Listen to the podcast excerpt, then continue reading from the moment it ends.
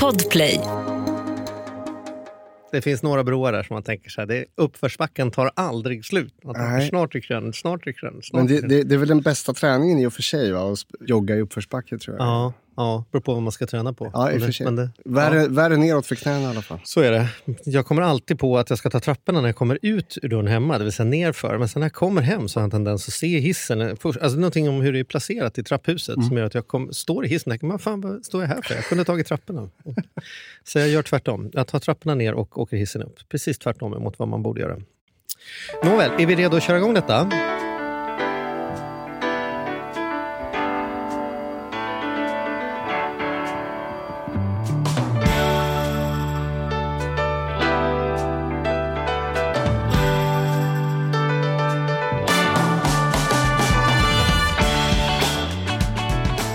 Hej och välkomna till Ekonomi på riktigt med Charlie och Mattias. En podcast som vi gör varje vecka med Charlie och det är jag och med Mattias och det är du. Det är jag. Det är en sammanfattning ungefär. Ja. Hur är läget då? Det är väldigt bra. Ja, men det är mitt i sommaren. Mm. Jag eh, håller, har precis på att bli av med min dotter för ett år, vilket är lite tufft. Det kan ju inte vara bra för dig. Du som är sån hönspappa så det inte går. Hur, sitter Ja, du... du säger ju det hela tiden, så jag får väl motbevisa mig nu då, Jaha. att jag ska klara det här Mm. året. Mm. Hon skulle egentligen ha åkt i början på augusti, men sen så blev det tidigare lagt för att hon ska gå på high school där. Hon gör ett så kallat utbytesår. Och Mm. då är det så att eh, sportaktiviteterna drar igång tidigare. Och då tyckte Mm. hennes värdfamilj att hon skulle komma lite tidigare. Och det, tyck, det var ju skithäftigt. Alltså Mm. får man ju några bo- bonusveckor där borta.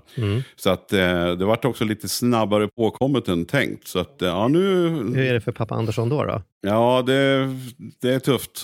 Ja. Men eh, det är lite grann som Claes Hallberg brukar säga eh, när han säger att man ska göra någonting bra, man får göra så gott man kan om livet. För vad är alternativet? ja, Och alternativet är att hon inte skulle åka, det vore ju supertrist. det Så, är klart. ja, Men man kan ju inte, vissa saker pågår i huvudet så man vet att detta är bra, men sen pågår det i magen eller vad man nu vill sätta det lite med andra grejer. Det är väl mycket här i livet när barnen växer upp där man känner sig att det här är ju helt rätt. Det är klart att de ska bryta sig fria och våga eget. Men sen så finns det ju någon annat. Eller är du med på vad jag menar? Man kan ju Mm. känna något och Ja. tänka något annat. När absolut. Primus var liten och klättrade i träd, då sa jag hela tiden Gud vad bra, vad kul, vad högt du klättrar. På insidan skrek ju kroppen bara han kommer trilla ner och dö. De pågår ju liksom Ja. hela tiden. Ja. Så är det. Mm. Mm. Men vi, vi pratar inte om mörkret. Nej, men det här är ju rätt beslut och det är klart att det, men det, det, det ska bli tufft, jättetufft. Men eh, samtidigt så har vi ju längtat så mycket till den här. Alltså, det var ju pratats, det här året började egentligen, det är det som är häftigt också. Det är ett bonusår bara innan. Hon fick ju sticka innan sommaren till Warszawa för att få Ja. tag på ett visum. För att man inte kan få det på svenska ambassaden med coronalägen och sådär. Så att det har ju varit en resa för henne och när hon började träffa värdfamiljen, när hon fick, börja, Men vänta, vänta, fick veta. Nu är det första testet där Mattias. Fick hon åka till Warszawa eller körde du henne till Warszawa och följde med in och sen körde henne tillbaka? Du, nu ska du få höra. Hon satt i 27 timmars bussresa och båt dit Ah. och 27 timmar tillbaka utan pappa. Nej, då tar jag tillbaka allt jag sagt. Bra jobbat. Bra jobbat. Jag är det är imponerad. på gång i alla fall. Mm. Ja, Nej, men, eh, så det är spännande. Hur är le- leker livet för dig då? Nej men du, det är bra. Skit i mig nu. Jag tycker vi ska podda. Vi har ju en jättespännande gäst här. Ja. En viktig fråga. Jag vet, jag har en stor fråga. Du hade ju så mycket spännande så att vi, vi, vi lämnar mig och så går vi in på det viktiga tycker jag. Ja, Ja. ja. det gör vi. Ska du köra presentationen då? Nej, men jag kan köra så här. Vi har ju en jurist med oss från familjens jurist. Jag har övat så mycket på efternamnet. Ska se om jag klarar det. Oscar Coronel. Ja.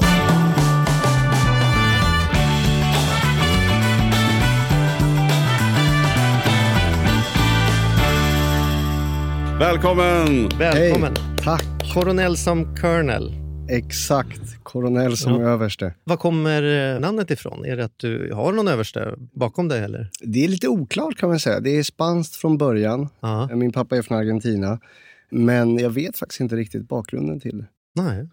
Men då måste jag få ställa en fråga nu då. Är man något intresserad av fotbolls-EM när man normalt sett ser fram emot VM med Argentina? Jo, men det är man eh, absolut. Det, det är man. Det, nu pågår ju samtidigt Copa America, Sydamerikas motsvarighet till EM. Mm. Så att det är fotboll hela dagarna och sen om man vill hela nätterna också. Så att det är mycket fotboll. Mm. Det tror vi andra poddar har täckt av. Så vi tänker att vi släpper eh, fotbollsgrejen och ger oss istället inne på dagens ämne. För det här är ju jätte, jätteintressant. Jag tycka juridik rätta mig om jag har fel, men jag tror många människor tänker juridik som ganska långt borta ifrån vardagen. Det där är någonting som man ska gå liksom när man skiljer sig, då ska det vara en typ av juridik. Eller när man köper hus, då helt plötsligt ska det skrivas på papper som ska, med små kråkor i hörnen. Det är juridik. Men, men vardagsjuridik är nästan som, som liksom någon kollaps i huvudet, att vardag och juridik skulle hänga ihop. Håller du med om den analysen? Eller? Ja, men absolut. Jag, jag tror många tänker nog precis som du säger att juridik det är regler som, som, och det, det, är problem som uppstår när det är allvar och det, och det rör stora pengar eller det rör arv eller så. Mm. Men juridiken finns ju eh, hela tiden i vardagen. Jag jobbar ju med konsumenträtt mm. och vi är konsumenter allihopa hela tiden. Sluter avtal och ja, så att juridiken är ständigt närvarande varje dag. Mm. Sen tänker man kanske inte på det så mycket. Men det, den är ju där hela tiden. Men när du är ute och minglar med ett glas rosé på någon grillskiva här i sommar, liksom, folk äntligen får träffas och så säger ja, men vad gör du för någonting? Då? Så säger du ja, men jag, jag är jurist med liksom expert på konsumenträtt. Vad, vad är första reaktionen du får? Vad är den vanligaste frågan? Om du har varit läkare så vill alla visa ett födelsemärke. Vad är, vad är alla gör med dig? Liksom? Nej men Exakt, det är, det är precis som, som jag tror läkare får också. Och Det är ofta att de har en egen fråga. som Det kan röra en hantverkartjänst som blev felaktig. Det kan röra en, de har köpt någon vara som är felaktig. Vad gör jag nu? Eller så. så det, det, finns ju, alla har ju någon historia om någonting där de har haft något att göra med konsumenträtt. Mm. Men en, en, jättevanlig fråga rör ju näthandel, ångerrätt skulle jag säga. Mm. Den, eh, då, då, är det liksom, eh, hur lång tid har jag på mig ett köp? Vad är skillnaden på öppet köp och, och ångerrätt och så? Mm. Mycket som är oklart där, även fast vi näthandlar mer än någonsin.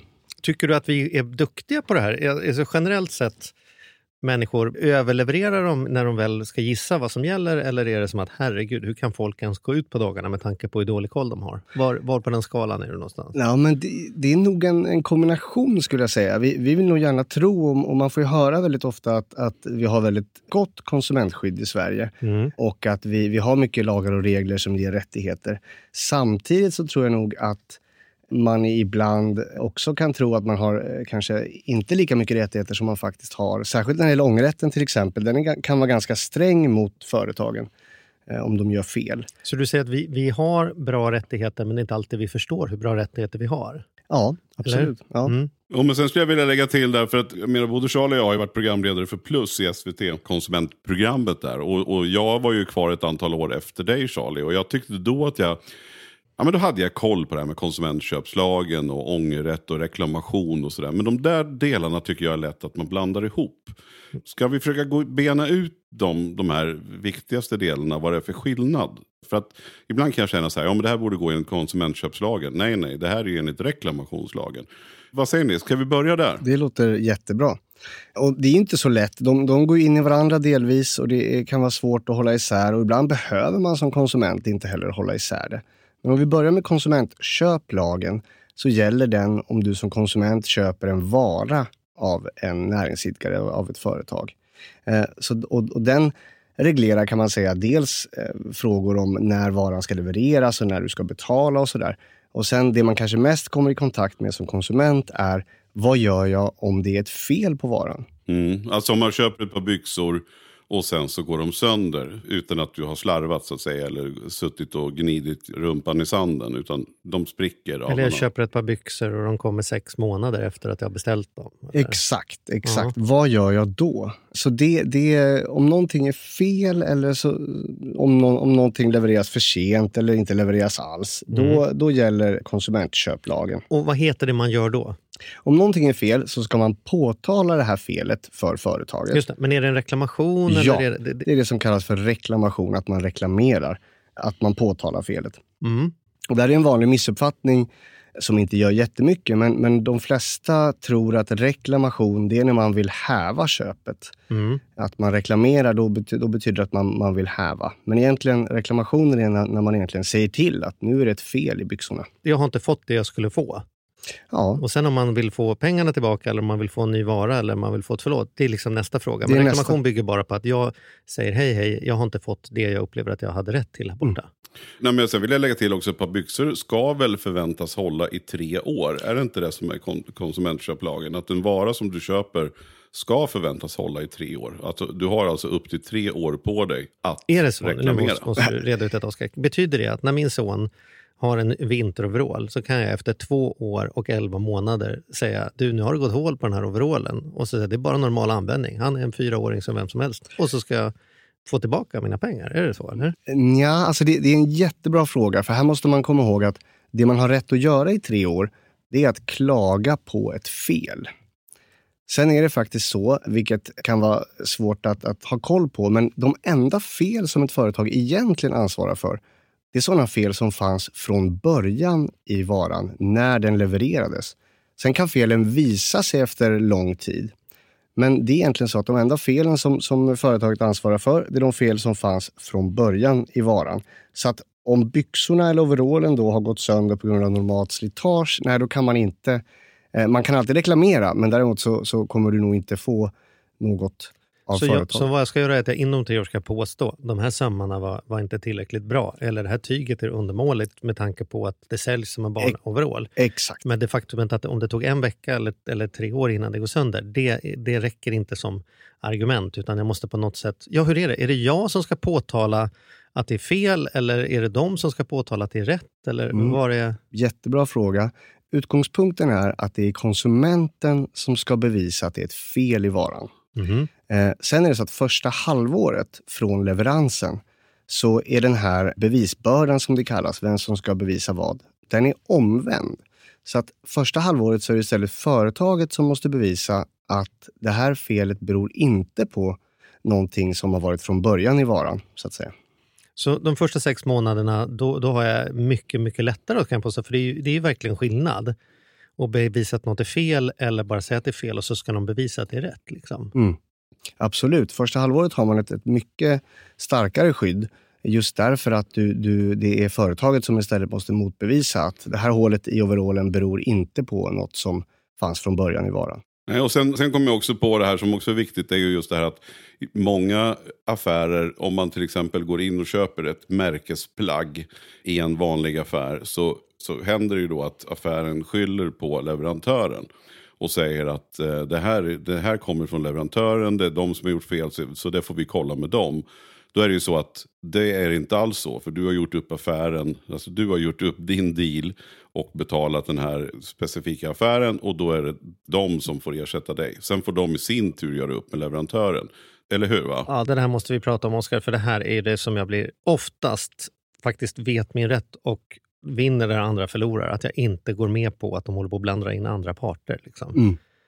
Nej, men det, det är ju väldigt, väldigt vanligt och jag tror många gånger att det kan bero på en missuppfattning också från, från återförsäljarens sida. Att de tror kanske att, eh, att de på något sätt kan hänvisa till tillverkaren eller så, eh, till, till sin leverantör. Men det är precis som ni säger att den enda part som du som konsument har ett avtal med, det är just den här säljaren, det är just den här butiken. Sen om de i sin tur inte kan vända sig mot sin eh, leverantör, det, det är egentligen inte ditt problem som konsument. Utan, så där tycker jag absolut man ska stå på sig. Här har jag ett konkret exempel. Då, och det kanske är högaktuellt mitt i sommaren. Jag har tidigare, och det här är en av anledningarna till att jag har slutat med detta, använt såna här eh, resejämförelsesajter. Alltså att jag köper inte flygbiljetten på SAS utan jag köper den med någon typ av via någon annan och de i sin tur har köpt den av SAS då, får jag väl anta. Mm. Så jag köper en flygresa till Malaga och sen så ställs flighten in eller något sånt där och då ska jag få tillbaka mina pengar. Och då kan det pågå i månader inte få några pengar från sig för vi har i våran tur inte fått pengarna från Finnair eller vi har inte fått det ännu. Och då är jag ju stenhård och säger så här, jag har väl ingenting med Finnair att göra. Jag har köpt en biljett av dig och du har inte tillhandahållit någon flight. Då vill jag ha mina pengar på kontot nu tack. Ja, vi kan inte göra det förrän vi har fått våra pengar.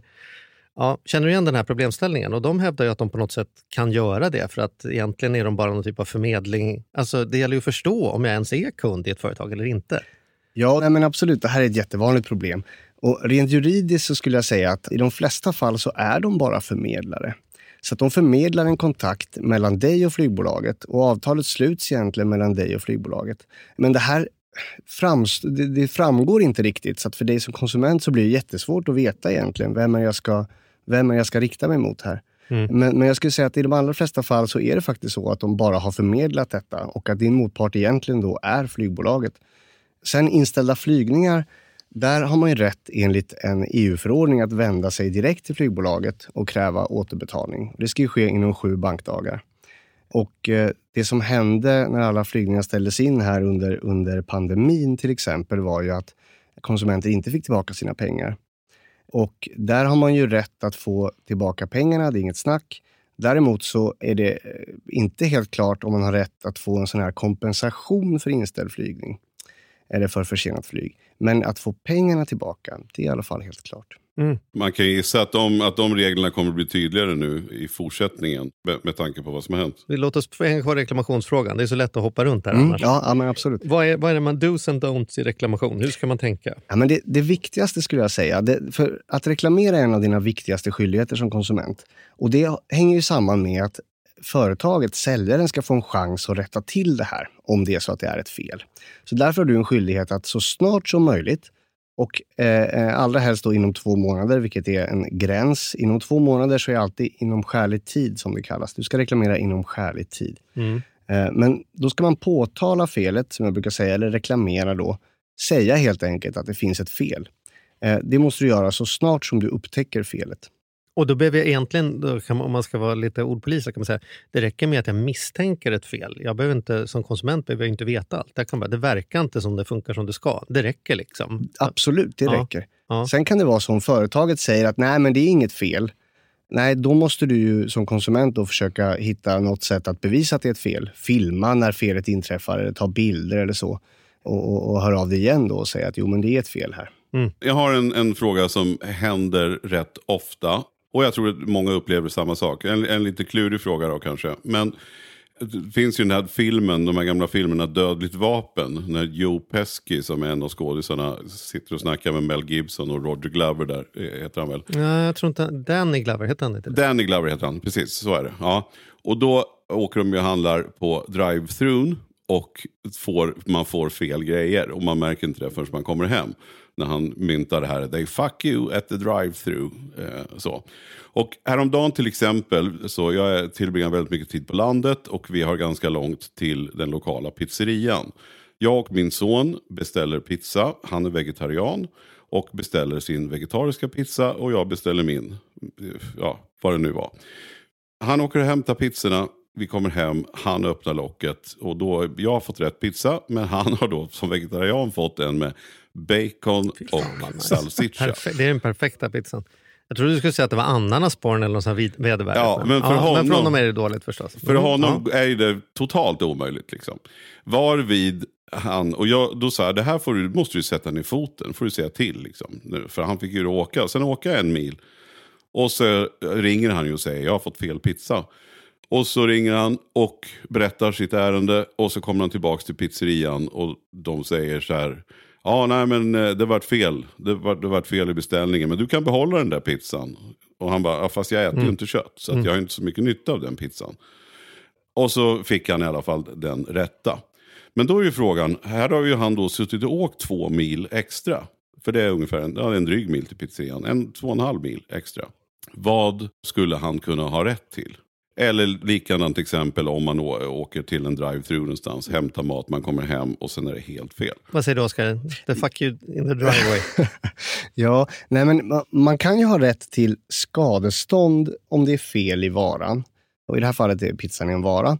Och, och skadestånd kan man få då för kostnader man har haft på grund av det här felet. Så att man skulle absolut kunna tänka sig att man får ersättning för bensinkostnaden helt enkelt. Att åka tillbaka och åka hem med, med rätt pizza. Onödiga resor som man har behövt göra på grund av felet. Sen kan man ju tänka sig att det kanske kommer en invändning då från pizzerian att du borde ha dubbelkollat innan du satte dig i bilen att det var rätt pizza, till exempel. Ja. Sen är det alltid svårt att säga vad det, om det skulle få några konsekvenser för skadeståndets storlek. Men, men absolut, där kan man tänka sig att man kräver skadestånd. För. Men vilken skyldighet har man att dubbelkolla? För det här har jag också åkt på. Att till exempel jag som har hållit på och fixat hemma, så har jag, fått en, jag har ingen bil. Utan då tar man ju saker med leverans. Ikea då, då leverans. Och så har jag inte fått alla grejer. Och då får man ju den här, ja det skulle du dubbelkollat när det kom. Och det är så här, ska du hålla kurs för mig om vad jag ska dubbelkolla? Hade ni gjort ert jobb från början hade väl inte jag behövt dubbelkolla. Liksom. Vilken skyldighet har jag som konsument att vara någon extra polis åt företagare när de ska leverera sina varor? Man har ingen jättestark skyldighet, du har ingen undersökningsplikt. Däremot så talar man i förarbetena om att man ska göra en ytlig granskning i alla fall. Och det, det, det är kanske rimligt att kräva. Mm. Sen exakt var den gränsen går. Och vilka... Öppna pizzakartongen kanske räknas som ytlig granskning? Då, eller? Kanske, ja. ja.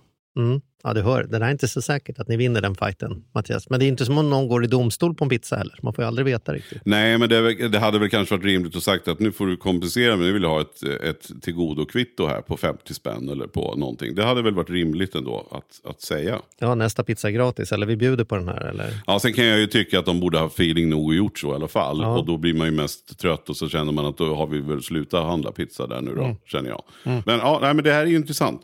För man har ju ändå köpt en vara. Man har köpt en, en hamburgare som ska vara på ett visst sätt. Man kommer hem och sen är den inte så. Då, då är det ju uppenbarligen i alla fall ja, matstället i alla fall som har gjort fel. Men jag tror ju att vi, det vi är inne på här är också lite så här, att, apropå att ha mod. Man kan ju reklamera saker utan att komma med liksom hela arga klagomålspaketet. Jag brukar alltid ringa eller gå in och säga så här, nu får du chans att göra en missnöjd kund nöjd här. Kolla här, det här är vad som har hänt mig. Och då blir de oftast ganska glada för att de tänker så här, men gud, då, då gör vi så här, eller det löser jag, eller äh, det behöver du inte betala för. För att, för att många har ändå lärt sig att kunder är väldigt dyra att skaffa. Det är betydligt billigare att underhålla en kund och låta dem vara kvar. Och gör man då det lilla extra när folk klagar, då blir de flesta människor ändå så, eh, nästan mer lojala kunder än vad de var innan. Det upplever jag i alla fall. Mm, men då kanske man ska klaga på det sätt som du gör också. För man, ofta så vinner man ju ingenting på att sätta taggarna utåt. Skicka Oscar i första läget. Så här, jag går inte tillbaka till pizzerian. Mitt juridiska ombud kommer direkt med pizzakartongen och säger nu vill jag filma när du öppnar den och deklarerar ja, bacon. Men nu ska inte jag skoja bort det ämnet. Nej. Men det, det, ligger ju, det ligger ju ändå där. Och jag tycker ofta så att man, man, man kan köpa saker som kanske inte är så dyrt eller man köper billiga strumpor eller vad det nu kan vara. Men lik förbaskat så har man ju faktiskt rätt att reklamera dem om mm. de inte håller eller om de, om de inte funkar. Och det tror jag många så här känner, jag orkar inte. Eller jag, jag det känns inte värt det, eller det är pinsamt eller skämmigt eller sådär. Och, och likadant med maträtter, om du är på en restaurang och det kommer in mm. någonting som, mm. som inte känns så gott eller som är alldeles för salt. Det händer ju hela tiden. Man har ju faktiskt... Folk sitter där och är missnöjda, så kommer en servitris och frågar var det gott där? Ja, det var jättegott. Så bara, de är livrädda för att säga någonting, som om de ska bli utslängda för att de säger nej, det här var faktiskt inte gott. Vad säger du, är vi dåliga på att klaga, Oskar? Ja, alltså jag, jag tror att företag vill ju ha nöjda kunder. Och jag tror att mycket kan företag också säkert tänka sig att lösa av goodwill om man så att säga klagar på rätt sätt. Men här är ju problemet också att, att eh, man ska vara medveten om sina rättigheter och sen ska man också veta lite när är det smart att verkligen stå fast vid någonting och när ska man istället försöka anlägga att, eh, perspektivet av att ni vill väl ha en nöjd kund. Det är väl det som är utmaningen som konsument, att, att eh, på något sätt hitta en balans där. Mm. Men du, nu har vi pratat om reklamation när någonting är fel, men det kan ju också vara att man bara har ångrat sig eller att man, det, mattan vart ingen snygg när jag la upp mm. den hemma där som jag köpte på nätet. Vad gäller om, om man har genomfört en affär som konsument och inte känner att det där blev inte så jädra bra? Liksom. Mm, här måste man skilja lite på hur man köpte varan. Köper du varan i en butik, då är det upp till butiken att avgöra om du ska få öppet köp eller inte. Vad betyder eh, öppet köp då? Om vi ska vara lite så här här. Öppet köp betyder egentligen då att man har avtalat om en ångerrätt helt enkelt. Ja. Eh, under vissa förutsättningar. Butiken själv får ju bestämma då om du till exempel måste ha kvar kvittot, om du måste ha varan i originalförpackning eller inte. Så det är upp till butiken att välja då reglerna eller villkoren för det här öppna köpet. Så jag har ingen, där har jag ingen rätt. Jag kan inte komma och säga jag var inte nöjd med mattan och sen så hänvisa till annars kommer Oskar här. Jag behöver inte ha något kvitto eller jag behöver inte ha någon förpackning eller jag vill inte ha något tillgodokort. Jag vill ha kontanter annars skickar jag familjens jurist på det. Så det, det, funkar inte. Det funkar inte och det är en, en, ganska vanlig eh, missuppfattning att ångerrätten gäller även i butiker. Mm. Och så, så är det inte utan ångerrätten gäller vid distanshandel helt enkelt. Okej, okay, så distanshandel det betyder alltså när jag går in på nätet eller när någon ringer mig, var, var går gränsen för när någonting är distans? Då, liksom? Ja, distans är ju, lagen heter ju lagen om distansavtal och avtal utanför affärslokaler. Och Det innebär ju att det är alltså dels då näthandel, telefonförsäljning eller om du ingår avtal utanför en näringsidkares fasta affärslokal. Det kan vara på en gata till exempel, på ett torg. Som man står på, vid gaten på flygplanet och ska gå och så står det någon med en liten pulpet och säger Hej mannen, händer det att du flyger ibland? Ja, jag är ju för fan på gate. Så ska de sälja något kreditkort eller något. Det är exempel på sånt. Då är jag utanför deras vanliga mm, Ja, alltså om, om de brukar stå där Aha. så kan det vara så att du inte har ångerrätt. Så Okay. det där kan vara lite klurigt. Men Mm. det, det enklaste exemplet är ju näthandel. Mm. Då har man 14 dagars ångerrätt som huvudregel. Och då behöver jag inte motivera på något sätt, utan det bara säger så här, jag har ändrat mig. Jag behöver inte hitta på att rumpan var för stor eller färgen var fel, utan om Nej. de frågar, får jag fråga varför du vill byta det här? Så kan jag säga, du får fråga men jag behöver inte svara. Här Nej. har du den. Och det, och det är snarare bra att hålla isär. Annars är det lätt att man halkar in på det här med, mot reklamation, då, att något Ja. skulle vara fel. Ja. För ångerrätten är helt... Du, du behöver inte förklara varför och du behöver inte ha någon anledning annat än att du helt plötsligt inte längre ville ha varan helt enkelt. Och gäller det allt jag köper på nätet? Nej, inte allt. Det finns en del undantag. Och de här undantagen är, vissa är ganska klara och tydliga och andra har inte riktigt definierats ännu kan man säga genom praxis i domstol eller ARN exakt hur, hur eh, stora de här undantagen är. Men ett undantag är till exempel specialtillverkade varor. Mm. Så att om, om jag skulle ha, beställa en t-shirt med ett tryck, Oscar är bäst, och sen vill jag ångra den, då skulle inte det gå. Just det. den är Det är specialtillverkad. ganska tydligt då. Oh, dessutom är det falsk marknadsföring, men det är en annan... Nej, jag skojar.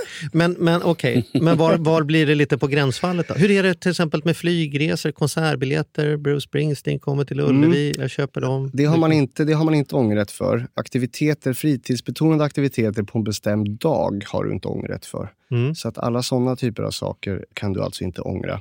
Sen så är det så att de här specialtillverkade varorna eller varor med personlig prägel, vissa företag vill ju gärna få in just sin vara under de här undantagen.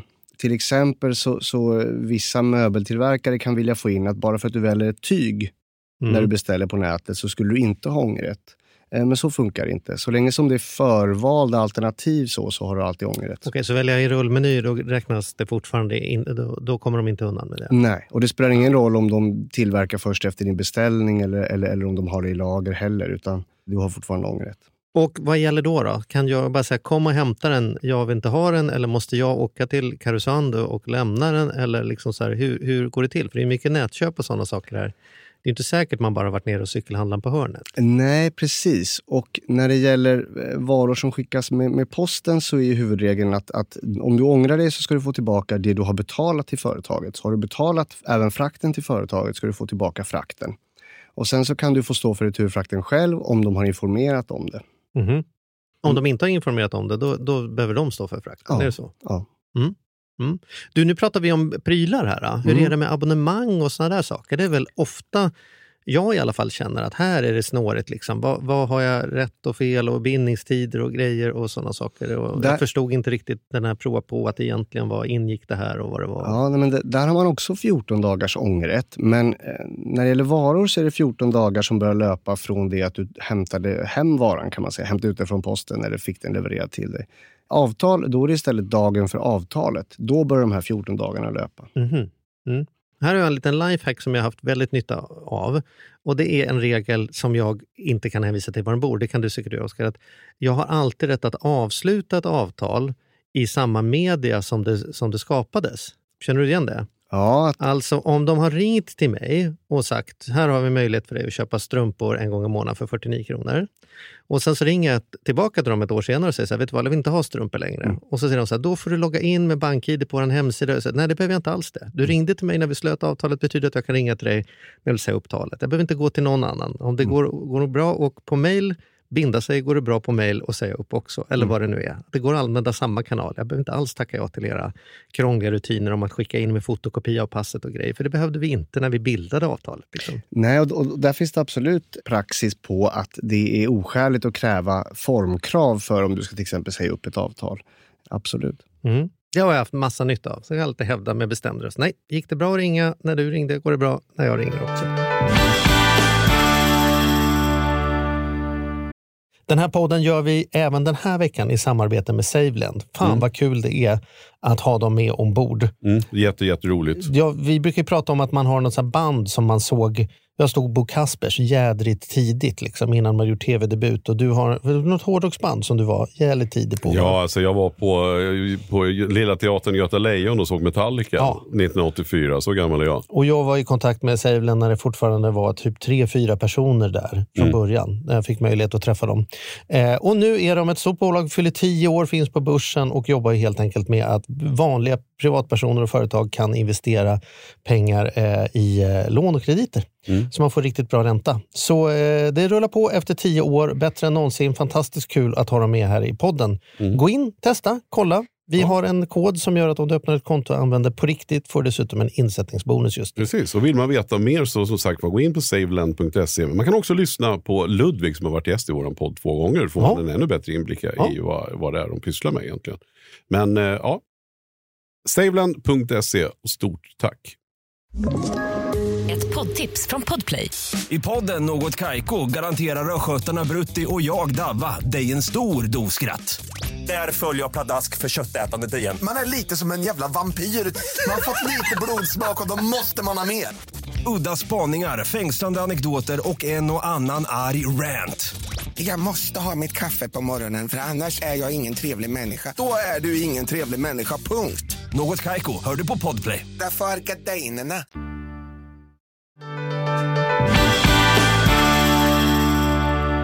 Nu är det ju hantverkarsommarnas hantverkarsommar.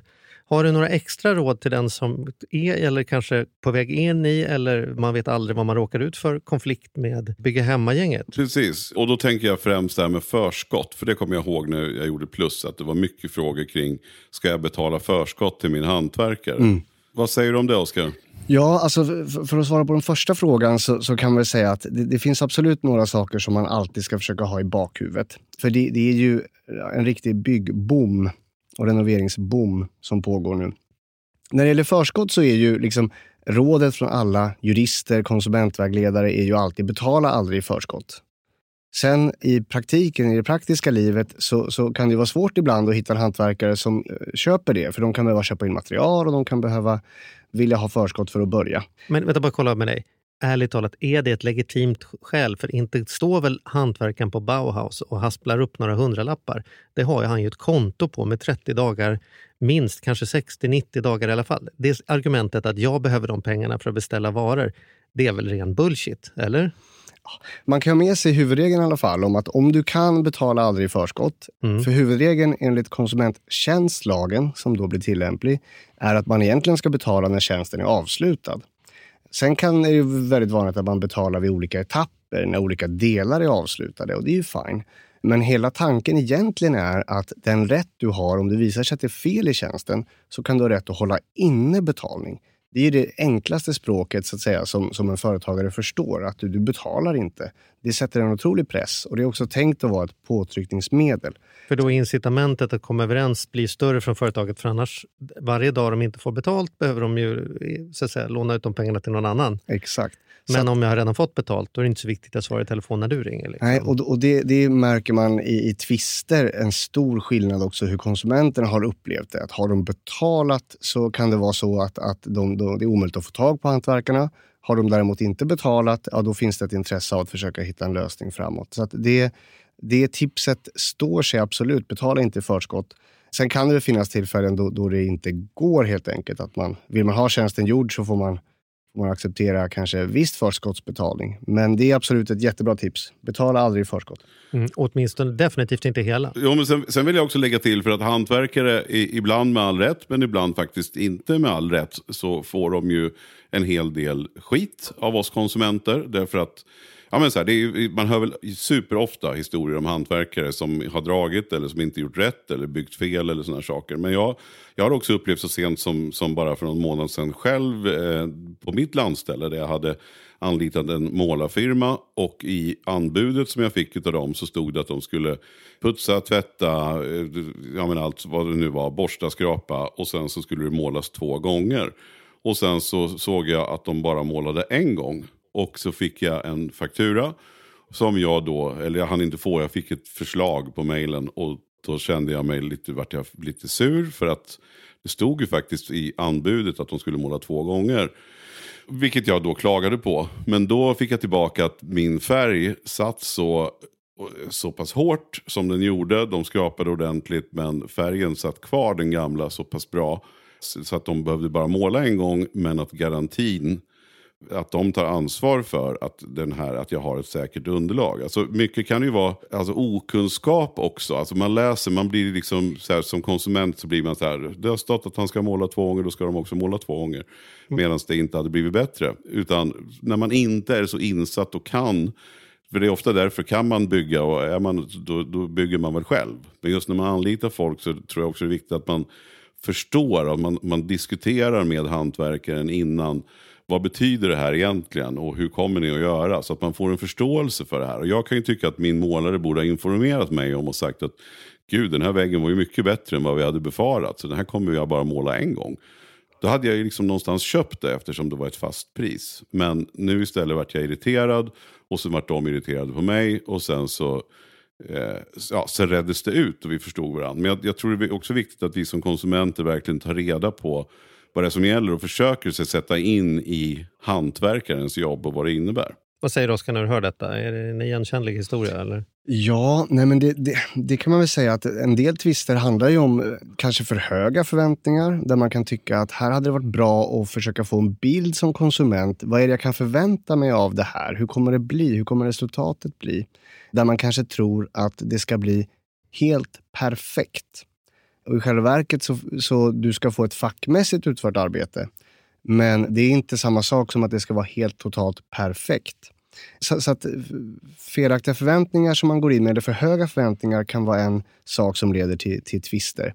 Sen är det så att näringsidkaren är ju den som är fackman, den som har koll. De har en skyldighet att samråda med dig som konsument.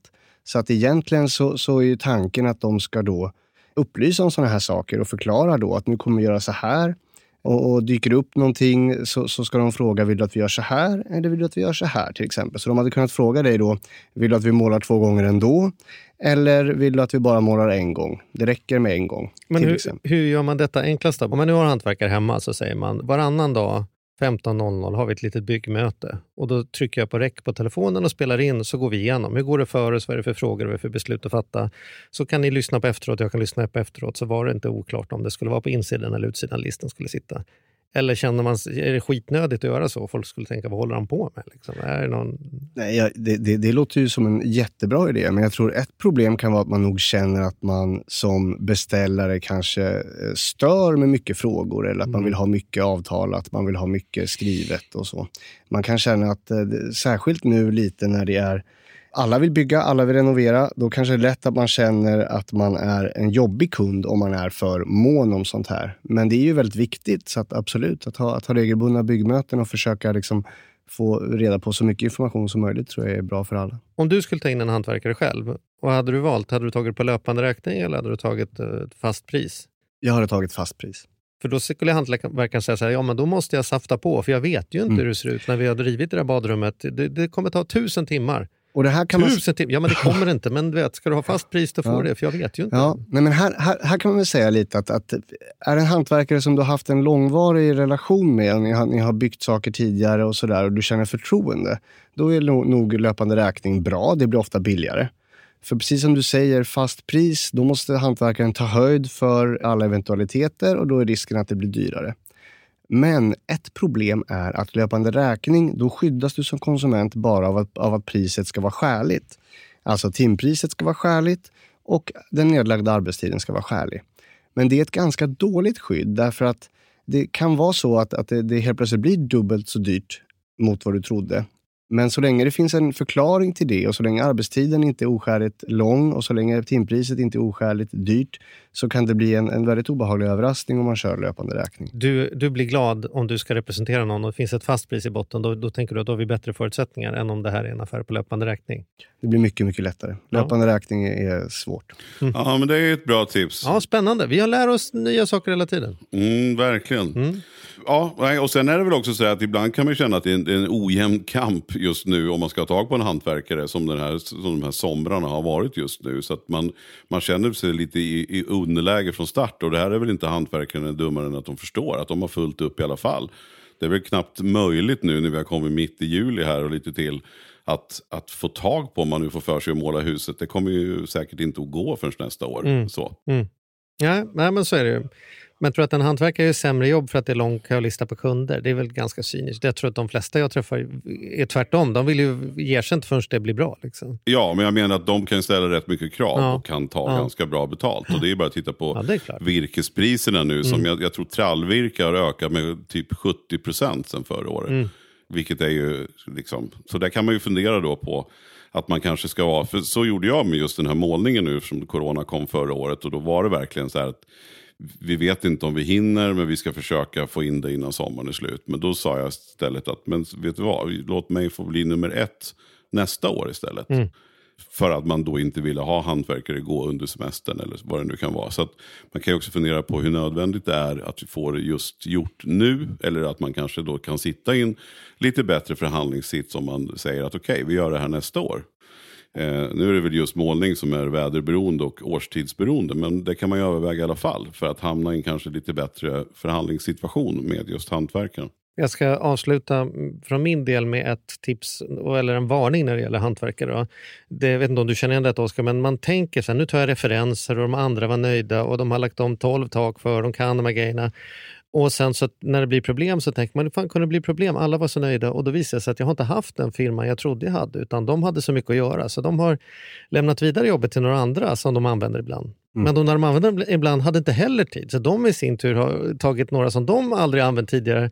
Och så vips så står jag där med helt andra hantverkare än de som jag egentligen tog referens på från början. Att det liksom är ju klurigt och kvalitetssäkra jag har faktiskt till mig själv varit med om att det har hört av sig eh, liksom byggledare och frågat är gubbarna där idag? Så säger, frågar du mig det? Det är väl jag som ska fråga dig det. Liksom. Men då är det ju för att det är någon annan firma som är någon annan firma som är någon annan firma. Liksom.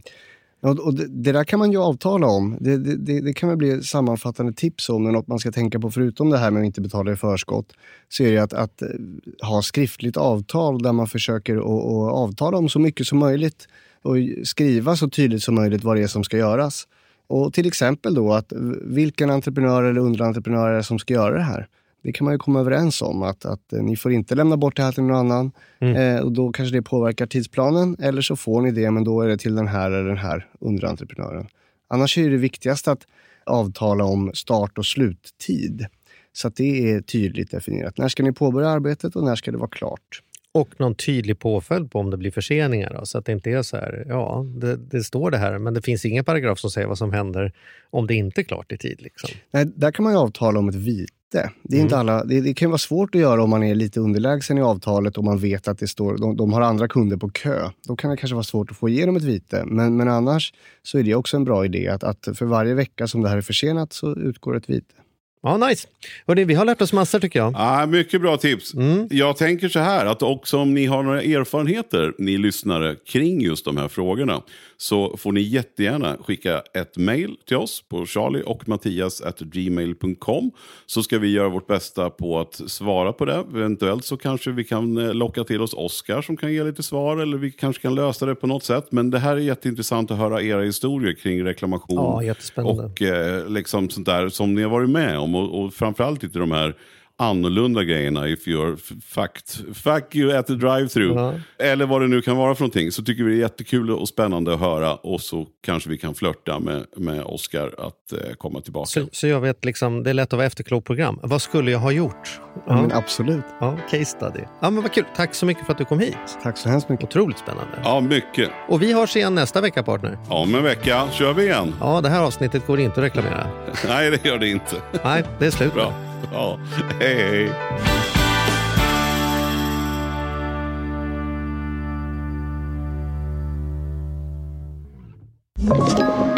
Podplay.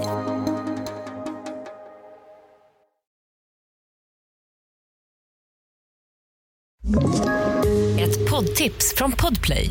I fallen jag aldrig glömmer djupdyker Hasse Aro i arbetet bakom några av Sveriges mest uppseendeväckande brottsutredningar. Går vi in med hemlig telefonavlyssning och, och då upplever vi att vi får en total förändring av hans beteende. Vad är det som händer nu? Vem är det som läcker? Och så säger han att jag är kriminell, jag har varit kriminell i hela mitt liv men att mörda ett barn, där går min gräns. Nya säsongen av Fallen jag aldrig glömmer på Podplay.